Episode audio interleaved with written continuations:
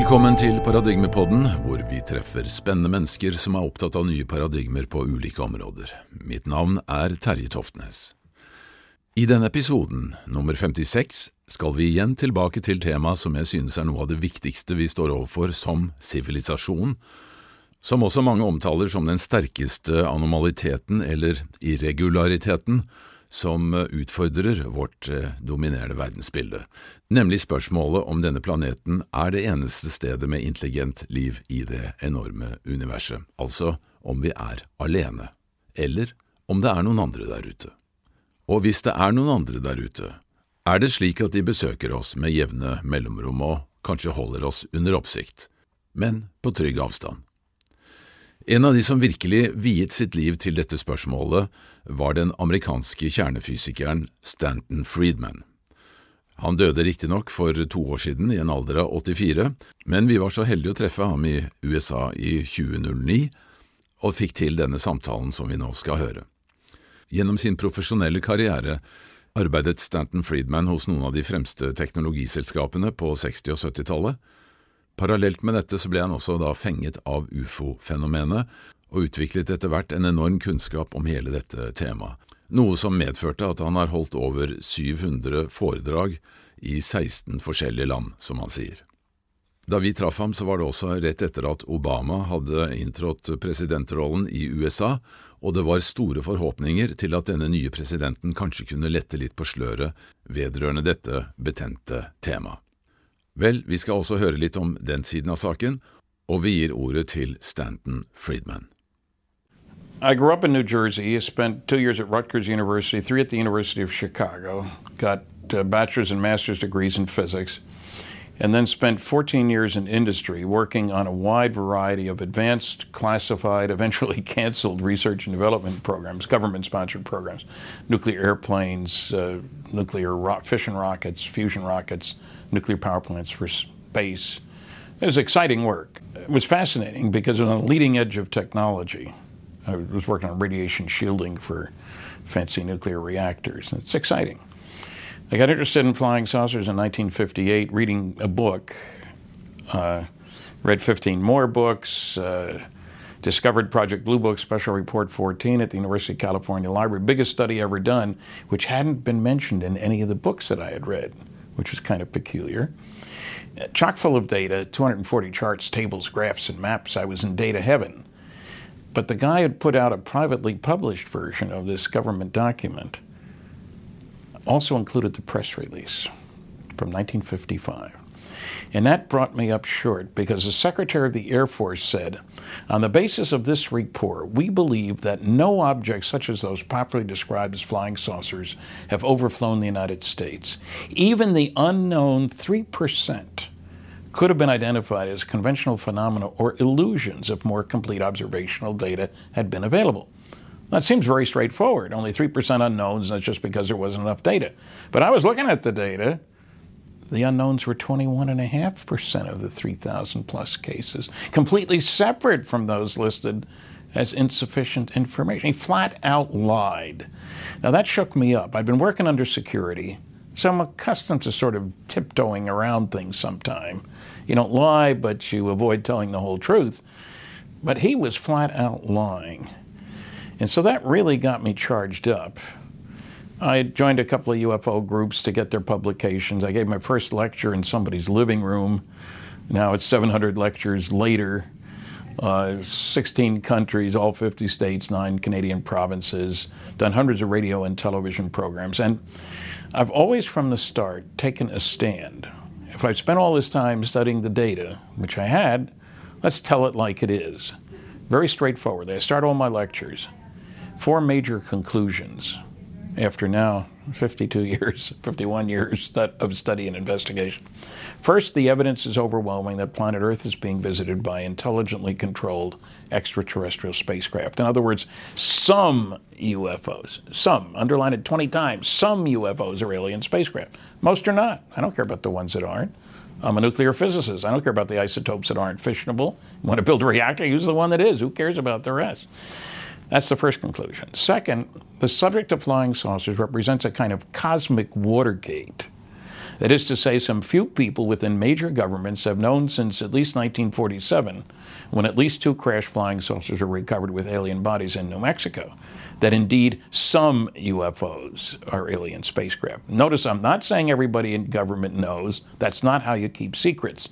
I worked under security for 14 years. Need to know is the important factor.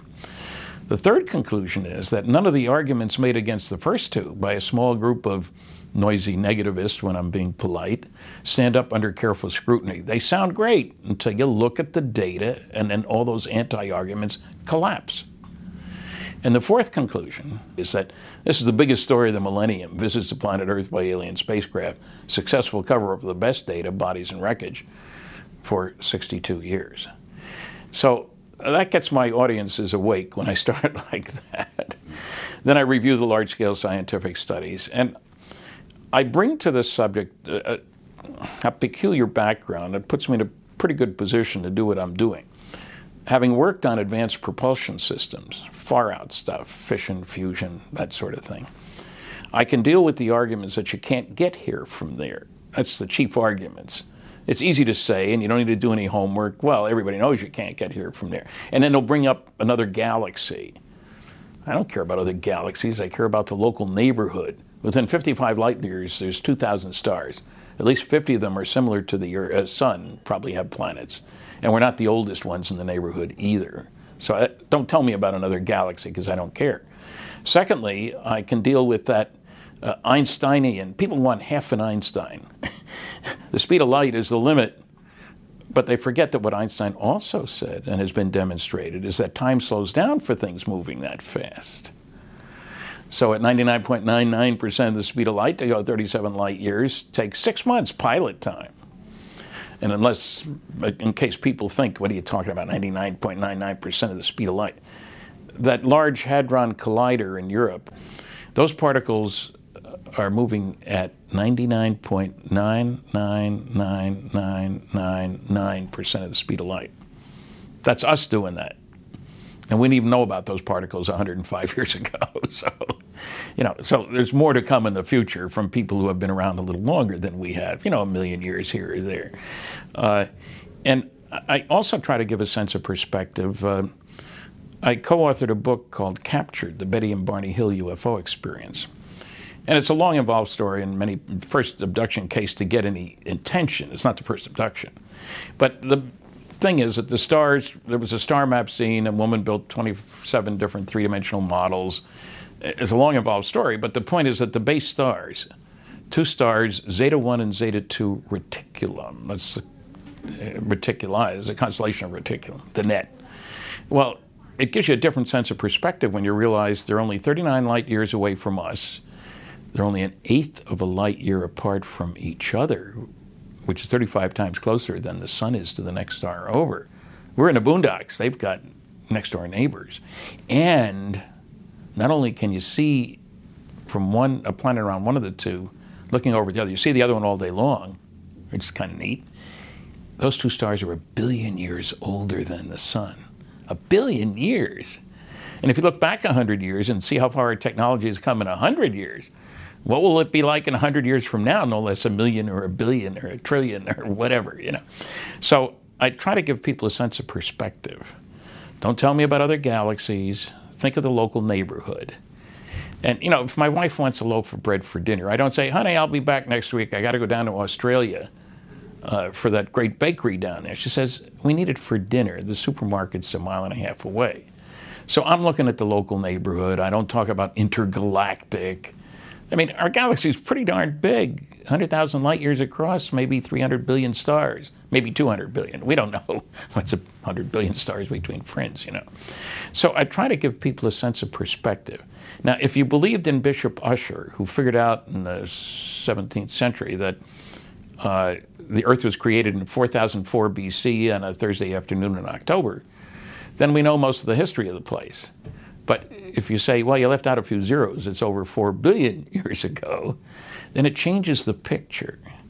And one of the biggest things standing in the way of serious discussion about flying saucers is the ego of the journalist and the scientist. If this were true, it would be important. If it were important, I would know about it, and I don't, so it must not be, and I'm not going to waste my time finding out anything about it. This is the problem you have to fight all the time. And how I know that people, even those who express strong opinion, more likely those who express strong opinions, don't know anything about the subject. Because when I talk about five large scale scientific studies, I ask after I discuss each one, show the cover, tell them what's in it. How many people here have read this? If I'm lucky, I'll get 1 or 2% who've read any of the five major studies. Of course, that has a nice side effect. They don't give me such a hard time because they know I can say, well, you haven't read any of this data, have you? Why are you expressing your opinion? You know, and I'm willing to do that on occasion. But the point is that there's an enormous amount of data that most people are unfamiliar with. There are a dozen or so, more than that, uh, PhD theses. There are few places you can teach courses. But I know of no newspaper that has a UFO reporter. Got sports reporters, they got an astrology column, but no, not somebody who is knowledgeable. Now, no responsible editor would send somebody who's never seen a baseball game out to cover the World Series. It's complicated. You need some background. You need to have some understanding. You sure wouldn't listen to me talk about cricket because I've never seen a cricket match. So, why are people expressing opinions about flying saucers without doing any homework? and believing some of the nonsense that's on the internet. That's the bane of my existence. Well, I read it on the internet. Doesn't that make it true? No, it doesn't make it true. So, the state of the art is that there are a number of serious people. Many of them are unfortunately unwilling to stand up straight and say, I think some of these things are alien spacecraft. Well, I think they're very interesting, and maybe they might be something from somewhere else. You know, why stumble along like that? What's wrong with saying some UFOs are alien spacecraft? That's what the evidence indicates. And so I, I've taken on some of the noisy negativists and debates at Oxford University and at other places. I'm quite willing to stand up and be counted. And I must say this I get a lot of quiet response from people who are pleased about it. They don't want to do it, but they're glad that I'm standing up for them. I was on the Coast to Coast radio program, which has a huge audience in the millions. And I offered free information, send a self addressed stamped envelope to my post office box in Maine. Got a thousand requests, all but five with the envelope, thank goodness. But the interesting thing to me was there were hundreds of post it notes thank you so much for doing what you're doing. I've been following your work for 10 years, 20 years, 30 years. Uh, there's a constituency out there. I don't know them, they don't know me, but they are pleased that somebody will stand up and tell it like it is because it makes them feel better. They, they don't need to have to defend the subject, they can let me do it for them. So uh, I have 42 years of lecturing. I figure I've answered over 50,000 questions over the years. I mean, the same ones over and over again, of course. And so I've been forced to think about the answers to the why questions. You know, the data is easy for people to accept. You show them a report and you tell them what's in it. Oh, I didn't know about that. What they really want to know is so why doesn't the government tell us what it knows? Why would aliens come here? Why don't they land on a White House lawn? You know, questions like that. And because I'm have to answer these questions. I can't say it when I'm on stage after a lecture, oh, I'll get back to you next week on that. I've got to have an answer now. The response I normally get, oh, I hadn't thought of that before. Well, of course they hadn't. I've been doing a lot, of, spending a lot of time thinking about it. So I've tried to perform a service to give people a, a buffet table with lots of answers to, to the why questions in particular, because I want people to recognize that we have some experience on which to base some judgments. I'll say, sure, it's human behavior. But uh, for example, I think every advanced society is going to be concerned about its own survival and security. That seems to be a mark of all societies, so they don't last very long. that means you got to keep tabs on the primitives in the neighborhood, but only close tabs on those who show signs of being able to bother you. Now, Earth was Earthlings were stuck here. we didn't have a space program before World War II. So we were no threat to anybody. We want to act like idiots here. I mean, Second World War, we Earthlings killed at least 50 million of our own kind. Now, I'm conservative. Some people say 60, but I'll settle for 50. We destroyed 1,700 cities. That's not a welcome mat to anybody from outside. But something happened at the end of the war. It was perfectly obvious to any smart alien that soon these idiot Earthlings, this primitive society whose major activity was clearly tribal warfare, I mean, just killing all those people, destroying 1,700 cities, that's pretty darn primitive. Uh, there were three developments that said soon we'd be moving out there.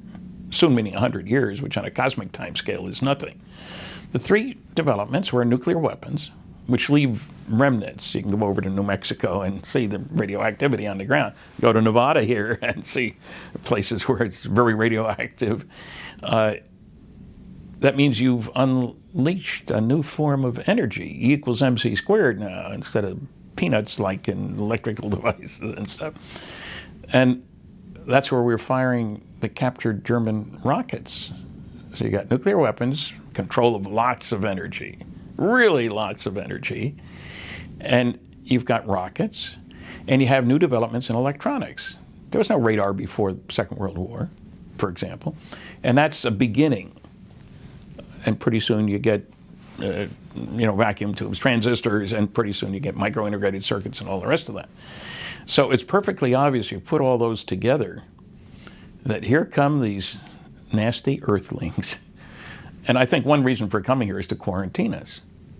I mean, when you see a threat to your society, don't you do something? You don't wait until they get here and they say, oh, why didn't we do anything? We thought everybody was nice. Well, Earthlings, as taken as a whole, are not nice. Plenty of nice individuals, but our society actions are not very nice. And so uh, I should add, incidentally, the only place in the world where you can study all three of those technologies in July 1947 was southeastern New Mexico. That's where Roswell happens to be, White Sands Missile Range up the road. Uh, that's where the first A bomb was tested, and that's where we were firing to capture German V 2 rockets. Now, admittedly, I had an English astronomer on a television program say, well, they could have gone to the Soviet Union. Sorry, they didn't test their first A bomb until 1949, which came as a big shock to the United States, incidentally. General Leslie Groves, who would, was in charge of the Manhattan Project to develop nuclear weapons, said in 1948 the Russians wouldn't have a bomb before 1955. It was a year later. The United States didn't even have a radar net around the country at the time. So we're not so good at predicting when other beings, you know, there were just a bunch of dumb peasants over there. They didn't go to Yale, well, or Harvard. Uh, it's an unrealistic look at the world.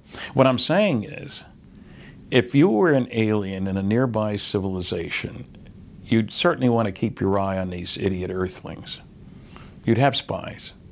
Because I figured they figured out interstellar travel a long time ago.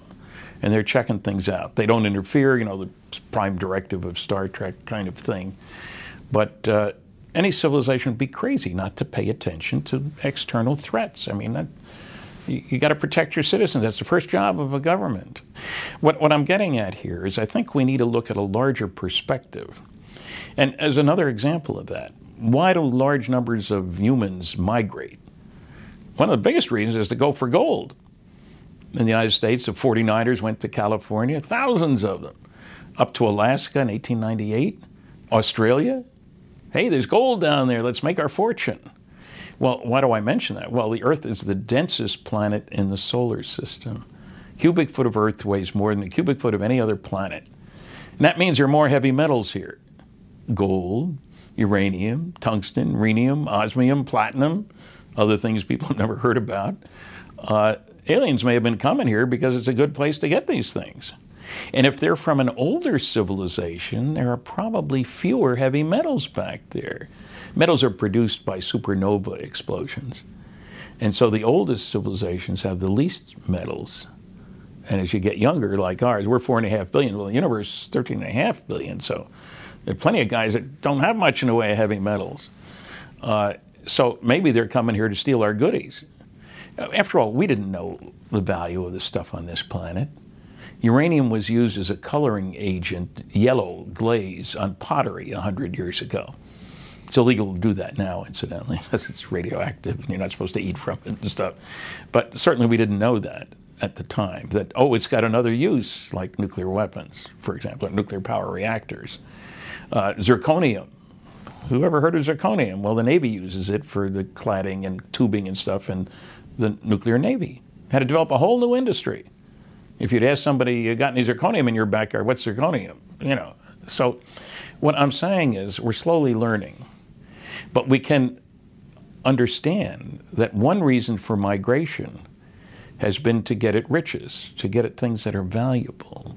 And they may be coming here originally for the same purpose, little expedition. Also, as far as I'm concerned, I think there may have been 20 different civilizations here over the past billion years.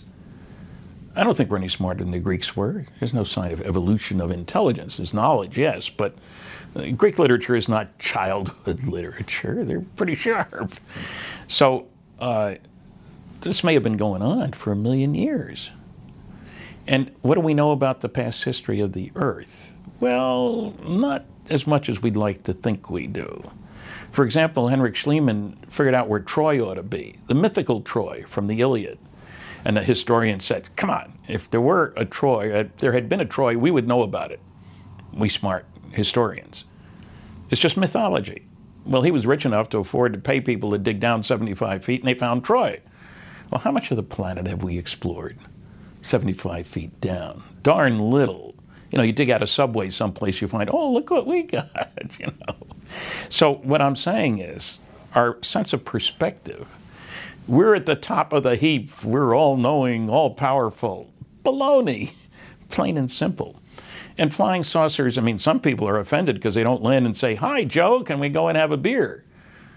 I don't talk to the squirrels in my backyard. I might tell them to get out of the yard, but uh, they're not equals. They're not worth having a conversation with. Are we?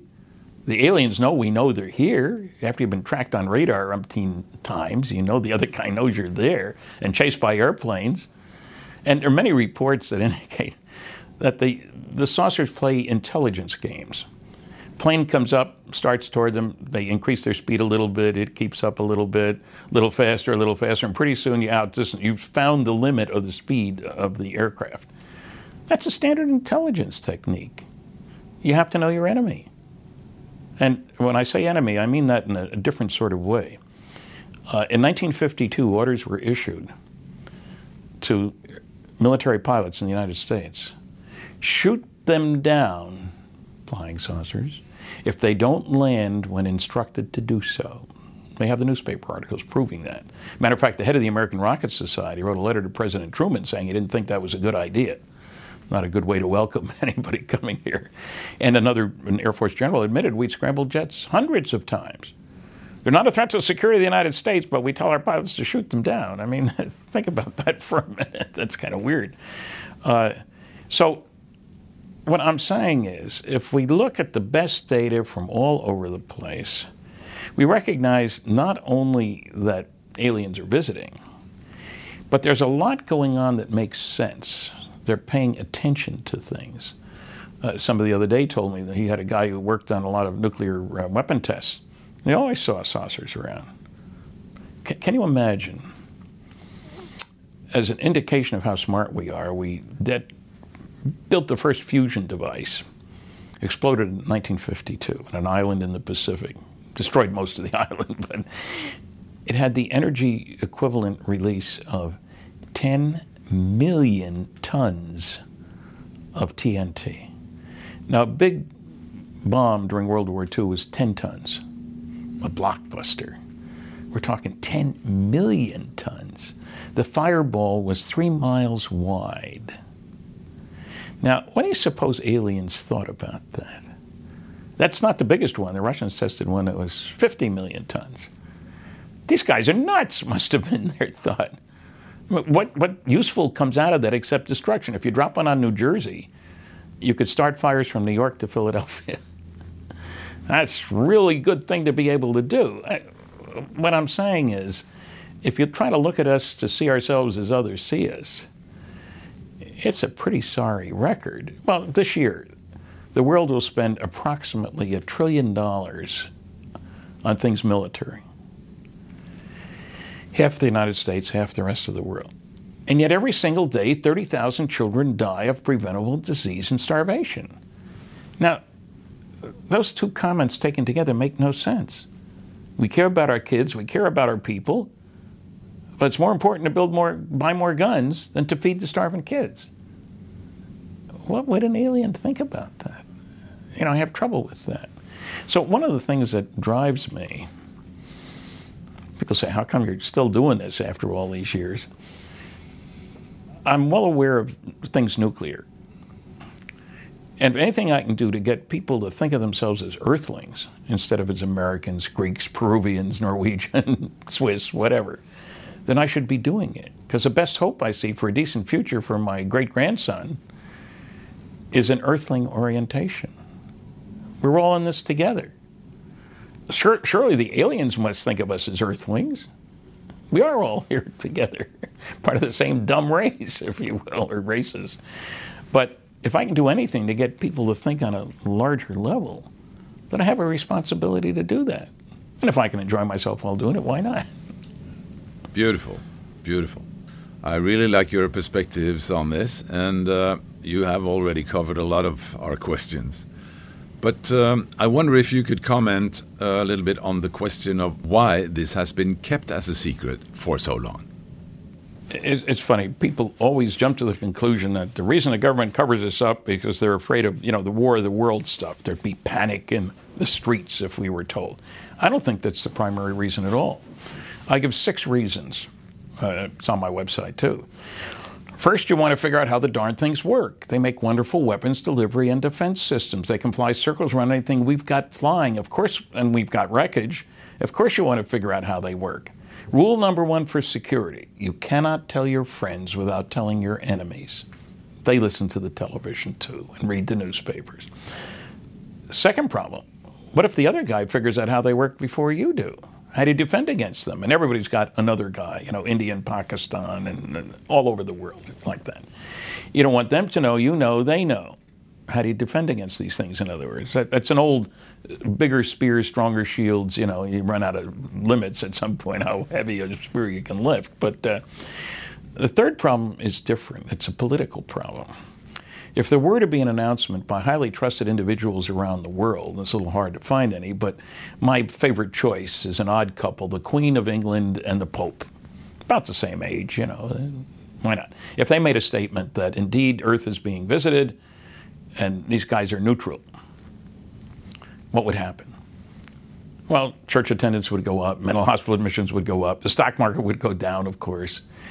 But I think one of the things that would happen, based on over 600 lectures at colleges that I've given, is that the younger generation would indeed push for an earthling orientation. They were never alive when there wasn't a space travel, wasn't part of the picture. I grew up, if you talked about space travel, I say, he's a smart kid, but he's a little crazy. Uh, you know, space travel. The great astronomer said it was impossible. What more did you need? You know, uh, I know of no government on this planet that wants its citizens to owe their allegiance to the planet. Nationalism is the only game in town, which is a sad commentary indeed. Uh, there's a fourth problem. The fundamentalists in the United States, Pat Robertson, I'm thinking of the late Jerry Falwell, have loudly proclaimed that we are the only intelligent life in the universe, which is a sad commentary indeed. If this is the best that God can do, we're not giving her much credit, are we? you know? Uh, a fifth reason is that many people have said to me, well, look, Stan, if aliens are coming here and we're not going there, that means that they are technologically more advanced than we are. But that suggests that soon there'll be new methods of energy development, production, there goes the oil industry. Cars and planes, uh, ground and air transport will be replaced. Uh, c- computers and communication systems. Economic chaos. It was kind of like when the Soviet Union was breaking up. We said, what you need is freedom and elections and capitalism, and everything will be great. And for quite a while, they had all those, those things, and everything was terrible until the price of oil went up. But still, uh, that wasn't enough to, to, take care of things, you know. Uh, there's a sixth reason. I have heard seven different stories of planes going up to chase UFOs and not coming back. If I've heard seven, there got to be a lot more out there. The government hasn't said anything about that. And people say, You mean that a pilot would die and they wouldn't tell his family? Yeah, that's exactly what I mean. There's a book called By Any Means Necessary by William Burrows describing 166 crewmen of reconnaissance planes that were tickling the radar at North Korea, Russia, and China after the war, mostly early 50s before satellites and stuff. Their families were all told, unfortunate accident, plane went down at sea, no body, sorry about that. In 2001, more than 50 years for some of these families, they were called together, given the medals their husbands or sons, brothers had earned, and we were told what had happened to them. You see, we had radio transmissions from the planes that were shot down. Oh, we, the United States shot down a few Russian planes on reconnaissance missions too. But I'm saying if they're willing to cover that up, 166 people dying in the service of their country without their families having the slightest idea of what had happened, the sacrifices that had been made. So, an airplane got zapped by a UFO. What's the big deal? We don't want to admit that. Incidentally, in a new book called uh, Shoot Them Down by Frank Feschino Jr., he went through the New York Times for 1951 to 56, 200 fatal military plane crashes. 200. And the words disintegrated and disappeared were used on occasion, the New York Times, mind you. Uh, five of the pilots had over 100 missions in Korea where they were being chased by uh, MiG fighters you got to be a pretty good pilot to stay alive through that. They come back to the United States, no MiGs, and they crash. Raises an eyebrow or two. And a lot of the accident records are still classified. I've tried in some cases, not released. So those six reasons would be enough. I can understand them. I don't approve. On the other hand, I have to say, I don't want all the technical data out on the table because you can't tell your friends without telling your enemies. And if Osama is still out there, and there are plenty of Osamas, uh, you know, different names maybe, but same idea, uh, why should we give them technology? If we figured out how to detect a craft in the atmosphere using a new technique, should we tell them about it? Doesn't make any sense to me. And anybody who tells me that, oh, we've figured out how saucers work, we've developed free energy, but we're not telling the world because we're making the, the rich guys richer whatever, I think it's baloney, frankly. I don't think we have figured out free energy. There are guys who sell you stock in a company that soon will be making such devices. I'll believe it when I see it. So I can understand these reasons, and I think we should be told that we're not alone in the neighborhood. We're not the big shots we like to think we are. And maybe we will start thinking of ourselves as earthlings. Now, the thing you have to remember crucial in human developments power. People in power want to stay in power. That characterizes every civilization on this planet whether it's a dictator or a president. And fortunately, there are term limits in the United States. that doesn't mean much in some other countries, as you know.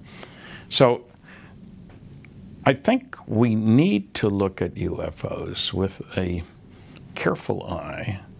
We think to, we need to get the press and the scientific communities to get off their butts and start doing what they should be doing collecting, reviewing, evaluating data, instead of saying there is no data because if there were, I would have it. Uh, there's a syndrome. I did a television uh, show in New York, David Susskind, uh, back in the 70s.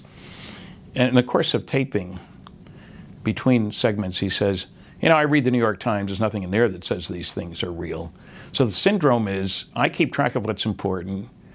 If this were real, it would be important. I don't know anything about it, so it must not be real. I'm not going to waste my time. We need to stop thinking in those terms. It's too important to be left to the kooks and quacks, and there are plenty of other people willing to speak out, no question about it. Okay. But how should a government go about if they decided to reveal all their information about this? How should they go about without creating chaos? I think it has to be done in a planned fashion. It has to be done in an international fashion. It has to be done in a way which recognizes that there are political, religious, economic implications of all this. For example, who trades with aliens? Who do the resources of the planet belong to? You know, who's going to sell stuff to them? Uh, who's going to speak for the planet? Oh, we'll hold an election. Oh, wait a minute. The Chinese got 1.3 billion. India's got a billion. America's only got 305 million. We won't have one man, one vote kind of thing. The United States wouldn't put up with that for sure. Neither would Russia, I suppose, either. So I think it has to be done in a very careful fashion. I think they have to put forward some real data. They got plenty of it in their files, and say maybe Roswell really did happen and to allow military people to tell their stories. There are plenty of guys who've been involved in radar visual cases. We've got some of them. There are a lot more. The, evidence is there, in other words. There's good gun camera pictures. We don't see those. In other words, we need non threatening stuff. I don't think you make a big deal about airplanes being shot down by UFOs. That's not the approach you want to take. But you can say that our military systems, after all, who's got the best radar systems around? It's the military, not the guy at the airport, uh, have, you know, give a half a dozen good cases, give people the right, choose good witnesses to speak out, and present it in a way which is look, here's what's been happening. Here are our reasons for keeping it secret. We didn't want to upset the balance of power. We didn't know what was going on here. Certainly in 1947, two years after the war, you could hardly say, Oh, we thought you'd like to know. There are aliens violating our airspace. We can't do a darn thing about it. We don't know what they want, where they're from, or how they operate. But that would make life great, wouldn't it? The Marshall Plan was just starting. Half of Europe was starving in 1947. It started actually in the summer of 47, the Marshall Plan. So I think you can make a rationale for it. You can say we had a study done, everybody knows about the Brookings Institute study, that's unclassified. But there may have been advice from other people that was classified that says we dare not tell the public for this reason or that reason or the other. Okay, maybe we were mistaken, but here, that's in the past. Here we are today. Let's go forward from here. And, you know, the Pope said something last year which surprised me. This is after the Vatican Observatory director had said that, oh, well, aliens out there, God made them, made us too, it's, it's, it's all right. And then the Pope said the same thing months later. What does he know that we don't know? Maybe he's getting a billion Catholics ready to hear the truth, uh, you know. So I think there are, it's not just ad men that you go to to say, how do you sell a story to the public? They're good at it. But there are other people who do. Every government has used propaganda to influence its people. I remember as a kid about uh, uh, against the Nazis and the Japs and all the propaganda that was going on to make us hate them and work hard to defeat the terrible forces of evil, blah, blah, blah. Governments know how to do that. So I think it needs to be done in a credible fashion. And you may include edges that we have sometimes overstepped the bounds of decency and how we've tried to act toward them. We wanted to shoot them down so we could figure out how they work. Uh, and they return the favor, you might say that. And people will understand that. Oh, we were attacking them. No wonder they shot back, you know. So I think you need a coordinated effort, and it's got to be international, and it has to recognize the implications. And many Americans don't realize that the Hindus believe there's life out there, and the Buddhists, and the Mormons, and the Muslims. Uh, you know, the notion that the, the fundamentalists represent the American view is, is not legitimate. It's not true. So I think it has to be a coordinated, thoughtful effort that it, in a planned sequence. And we will hold religious meetings with representatives from governments and economics is not trivial, psychological. I've had people and who've said to me, "Well, it's not in the Bible." I point out there is a book, The Bible and Flying Saucers, and maybe they ought to read it. But if you had religious leaders like the Pope, like the head of the Orthodox Church, head of, head of other churches get together and being briefed, so to speak, by governments, not just one, not just the Americans, everybody else has got data. I'm sure Norwegian Air Force has data on alien spacecraft. They're not allowed to talk about it, okay, and they can understand that. But you put all these people together and trying to take the view, okay, how do we tell this story? Where do we go from here? And negotiate and hammer it out about 10 steps, you know, what to do. I don't think it should be the United States president getting on the air. Oh, guys, I thought I ought to tell you there are aliens. It's got to be, it's much more important than that. Uh, you know, what, what, was it Roosevelt said? The only thing we have to fear is fear itself. Uh, you can paint it as fearful, or you can paint it as it's the next step in man's evolution to be part of the local neighborhood. You know, we didn't even know there were other galaxies until the 1920s. It's all just one galaxy. We didn't know the age of, because we could, didn't know the processes that produces the energy. It's just burning gas, the sun. So how old could it be? Maybe 10 million years. Well, as soon as you bring in those extra zeros there, that changes everything. And so there are things to, to do. We need more people studying this subject.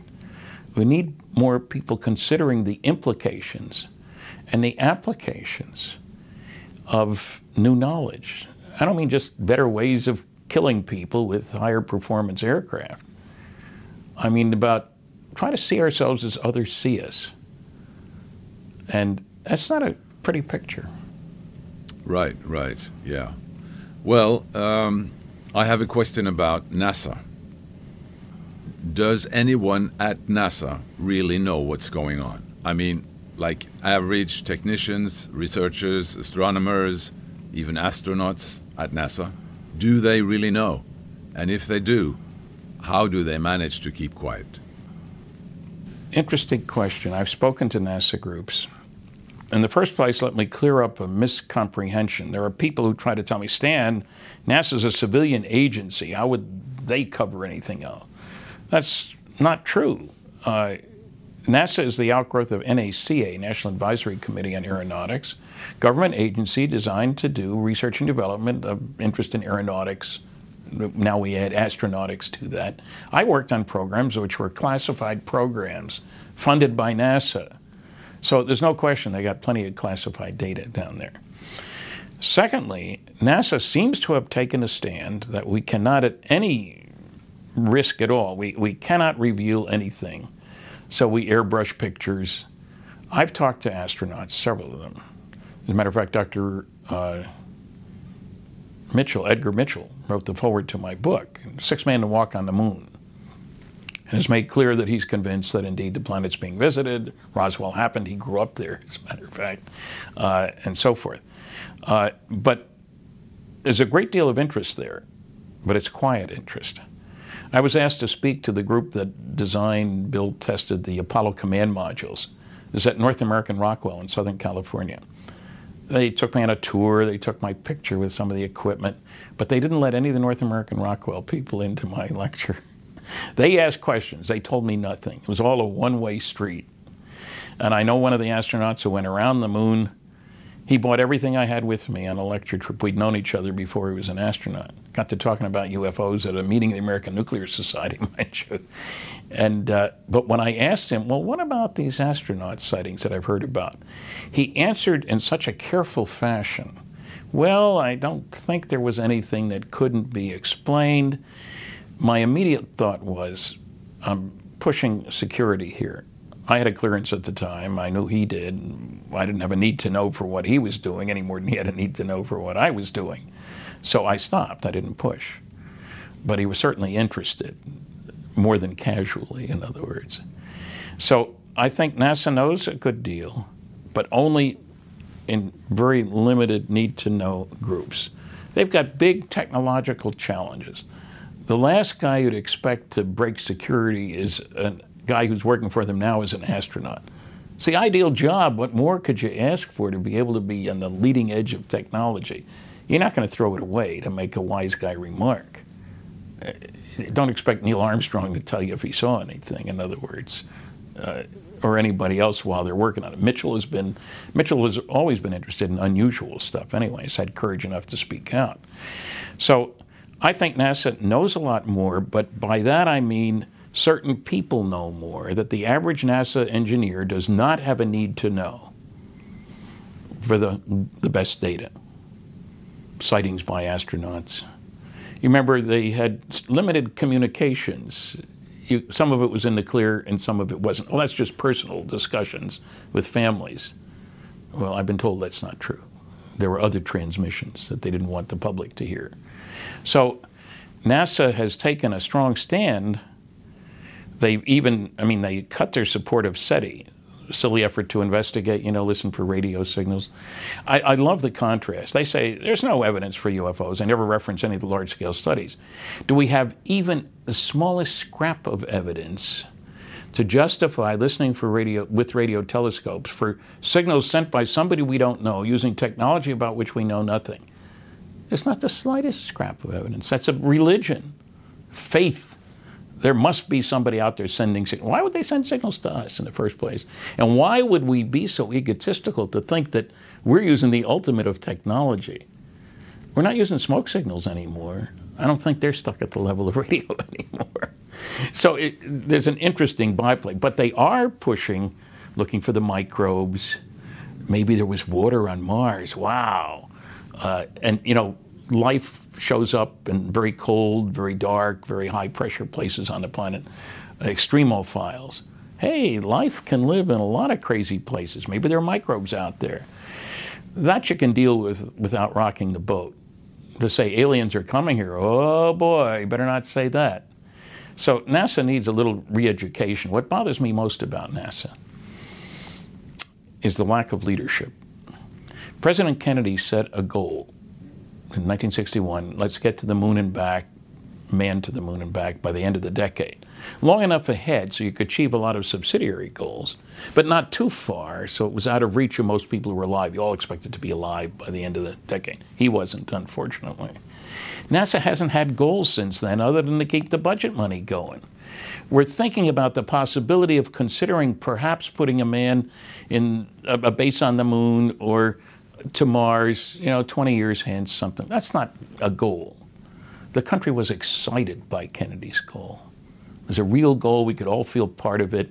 You could watch as things. And you notice we didn't stop when three guys got killed and when the, the, the command module had a fire. Okay, that's what happens. There are accidents and things happen. Let's go onward. They haven't had that. It's been the biggest disappointment in all the programs I've worked on has been the lack of leadership. Somebody says, This is where we're going. Let's get there, guys. You don't want to go there? Get off the train. What about politicians, and uh, in particular, American presidents? Are they informed about this situation? I don't know what American presidents know. I've talked to President Carter, happened to see him at an airport. Uh, George Bush, the first, I think, knew because he had been CIA director for a couple of years before that. You know, there's an old saying around Washington presidents come and go, the intelligence agencies go on forever. So I certainly don't think that Barack Obama has been briefed yet.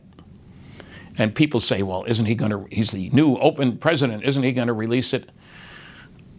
I don't think so, not right away anyway. I don't think he knows in the first place. I think he's got his plate full. The whole world is waiting for what the United States does. There are much more important issues right now like people having enough food for their kids and stuff like that.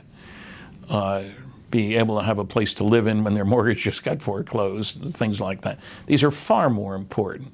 Hey, I've been lecturing about saucers for 42 years.